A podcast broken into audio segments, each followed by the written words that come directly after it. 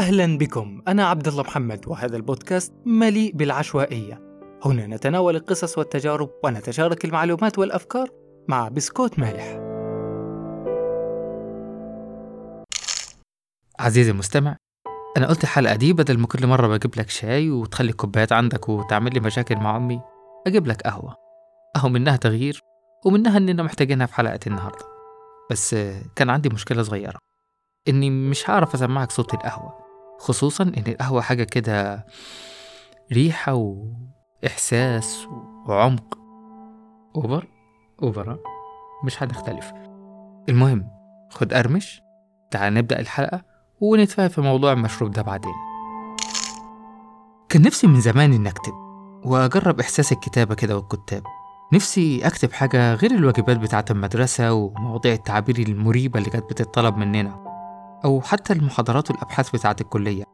المرة دي نفسي أكتب بقى حاجة مختلفة. مسرحية شعر أو حتى مقال. ما هو كل الناس دلوقتي بقت بتكتب. جت عليا يعني. فكرت بيني وبين نفسي إيه الحاجات اللي ممكن أعملها عشان أعرف أكتب.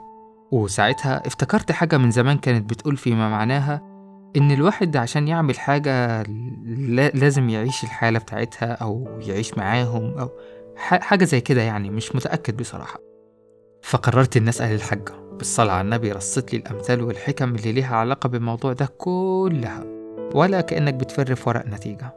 بصراحة مش فاكر منهم غير من عاشر الأم 30 يوم صار منهم ومن جابر السعيد يسعد ويا بخت من زر خفف مش عارف دي إيه مناسبتها بس هي اتقالت لي وخلاص. وبصراحة بعدها خفت أسأل هو لازم يعاشر الأم 30 يوم بالظبط يعني؟ عشان ما أجيبش لنفس الكلام. وقلت مش هتفرق. أنا لازم أكتب حاجة دلوقتي. وبدل ما أعاشرهم هحاول أتطبع بطبعهم وأعمل زي ما بيعملوا بالظبط. مش يمكن المعجزة تحصل. وتطلع قماش. فضلت أفكر في الحاجات اللي بيعملوها الكتاب الكبار كده عشان يعرفوا يكتبوا. مش عارف ليه لما سرحت في الحاجات دي حسيت إن في تأثير أبيض وأسود نزل كأني بتفرج على فيلم عربي قديم بالظبط. فنجان قهوة. سيجارة. قلم. وشوية أوراق. وفي الخلفية أغنية الست. أنا قصة إنسان أنا جرح الزمان أنا سالي سالي. معلش ثانية واحدة عزيزي المستمع. هي أي ست وخلاص؟ إيه علاقة سالي بالموضوع يا حبيبي؟ يوه كنت هتخليني أنسى الأباجورة اللي على المكتب. تعالى تعالى نرجع للكتاب تاني. بيمسك القلم شفطة قهوة نفس من السيجارة ويكتب كام كلمة. شفطة قهوة نفس سيجارة ويقوم أرمش الورقة اللي كتبها ويطلع نفس السيجارة بعصبية كده. فجأة النور يقطع. يروح مولع الشمعة يلاقي إن الأباجورة شغالة بالكهرباء برضه ده إذا كانت شغالة أصلا. وهوب ينزل الإلهام ويخلص اللي كان بيكتبه ده في ثواني. طب ما الحكاية لو كانت كده من الأول ما كنت طفيت النور وكتبت بدل الفرهدة دي كلها. ما علينا. كده أنا عرفت أنا محتاج إيه عشان أعرف أكتب. عدد واحد قلم أزرق عدد واحد علبة سجاير يفضل نوعية رديئة عدد اتنين أو تلاتة فنجان قهوة وحبة ورق جهزت الحاجات دي ومش عارف ليه زودت عليهم شمعة قلت يمكن النور يقطع ولا حاجة أول ما قعدت بصيت لعلبة السجاير والقهوة وسألت نفسي هو أنا من إمتى كنت بحب القهوة؟ وأنت مالك يا عبد ومال السجاير؟ ده أنت حتى مش بتطيق ريحتها أهو مش عشان تبقى كاتب يبقى لازم تعمل كل اللي بيعملوه بالظبط وتقلد تقليد أعمى يعني. أنا لازم أشوف حاجة تميزني وأعملها بطريقتي.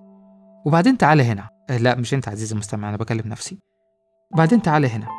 هو يعني كل الكتاب بيشربوا قهوة أو حتى سجاير؟ لا لا لا أنا مش هغير من نفسي وقناعاتي وأبقى واحد تاني عشان أكتب أو أعمل أي حاجة. ده اللي أنا اتعودت عليه. مهما كانت الحاجة منتشرة والكل بيعملها طالما مش مناسبة ليا ليه أعملها؟ ولو عملت حاجة بعد كده مش هعملها غير بأسلوبي وبطريقتي. عشان كده قررت المرة الجاية لما أكتب هيبقى كل اللي أنا محتاجه ورقة وقلم وإني ما أتغيرش تاني عشان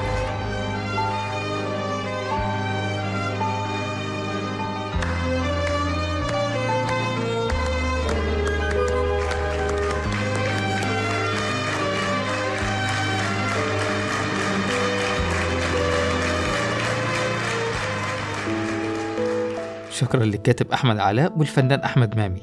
وشكرا ليك إنك وصلت لحد هنا. وكالعادة شكر خاص جدا لسنفور. like share subscribe follow comment رسالة أي حاجة منك حلوة عزيزي المستمع. نلتقيكم في أربعاء آخر بسيط. اللي هو ممكن يقلب جمعة أو سبت أو حد. أنت ورزقك. يا نور الأمل الطالع بدد أحزان العمر. كي نلمح نور الفجر كي نحلم مثل الزهر. ونغني نغني نغني. سالي سالي سالي.